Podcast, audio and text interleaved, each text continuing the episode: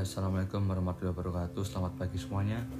Pada kesempatan kali ini saya akan membahas tentang teks cerita inspiratif. Jadi yang dimaksud dengan teks cerita inspiratif Yaitu cerita atau kisah masa lalu yang bisa menginspirasi seseorang Untuk melakukan hal yang sama Terutama yang menyangkut keberhasilan dan kesuksesan tokoh-tokoh terdahulu jadi kita ambil contoh dari Lim Swee King. Lim Swee King itu kan uh, tokoh pembulu tangkis internasional yang udah melegenda. Nah si Kevin Sanjaya itu dia mengikuti jejaknya si Lim Swee King. Nah dia juga ikut berhasil gara-gara si Lim Swee King ini memberikan inspirasi ke Kevin Sanjaya. Jadi sekarang kita bahas struktur struktur teks cerita inspiratif yaitu yang pertama ada abstrak Bagian ini bersifat opsional, boleh ada ataupun tidak. Bagian ini merupakan inti dari teks cerita inspiratif. Di sana abstrak ini uh, terdapat di paragraf pertama. Lanjut yang kedua ada orientasi. Orientasi ini adalah bagian bagian berisi pengenalan tema, latar, dan juga tokoh. Tahap orientasi ini merupakan bagian awal dari sebuah teks cerita inspiratif. Yang ketiga ada komplikasi. Komplikasi adalah bagian berisi konflik sampai pada klimaks dari teks cerita inspiratif karena pada bagian ini mulai muncul berbagai permasalahan. Lanjut yang keempat itu ada evaluasi. Bagian ini munculnya pemecahan dan penyelesaian masalah. Jadi kayak solusi nah, masalah itu selesai bagaimana. Lanjut yang kelima ada resolusi yaitu bagian yang berisi pemecahan masalah dari masalah yang dialami tokoh. Jadi tokohnya itu mempunyai masalah, nah pasti ada solusinya, harus ada solusinya. Lalu yang terakhir ada koda. Bagian ini merupakan amanat dan pesan-pesan positif yang menjadi petik dari teks cerita inspiratif. Mungkin uh, seperti pesan moral yang disampaikan dalam teks tersebut.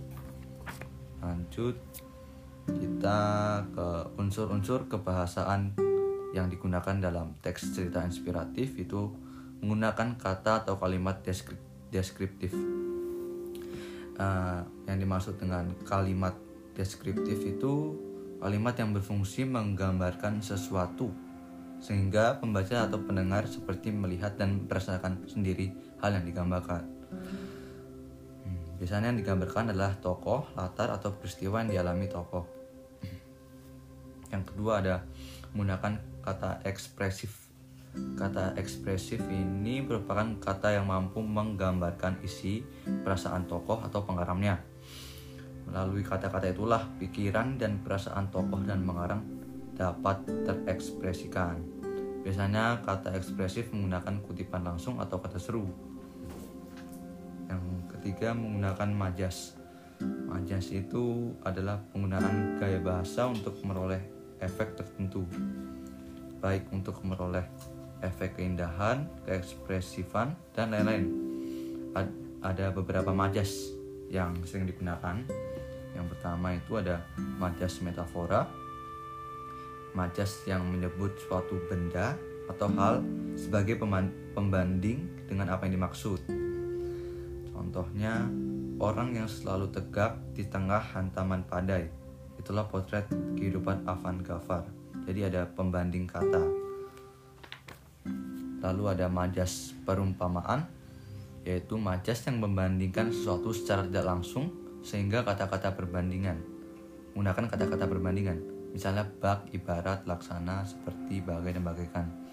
Jadi misalnya ibaratnya, nah itu kan ibaratnya itu seperti majas perumpamaan. Lalu yang yang terakhir jenis majas itu ada majas repetisi, yaitu majas yang mengulang kata atau kalimat untuk maksud tertentu. Nah, dalam teks cerita inspiratif ini, majas repetisi biasanya digunakan untuk memberikan penekanan pada sesuatu hal. Lalu ada menulis cerita inspiratif. Nah, menulis cerita inspiratif itu mengenali cara menulis cerita inspiratif itu bagaimana. Yang pertama kita harus menentukan tema dan amanat. Yang kedua kita harus membuat kerangka isi cerita. Yang ketiga, kita membuat paragraf paragraf awal yang menarik. lalu gunakan bahasa yang ringan dan mengalir. Libatkan emosi secukupnya. Ending harus istimewa. Dan terakhir ada pemilihan judul luar biasa penting. Ya mungkin itu saja dari saya. Wassalamualaikum warahmatullahi wabarakatuh. Selamat pagi semuanya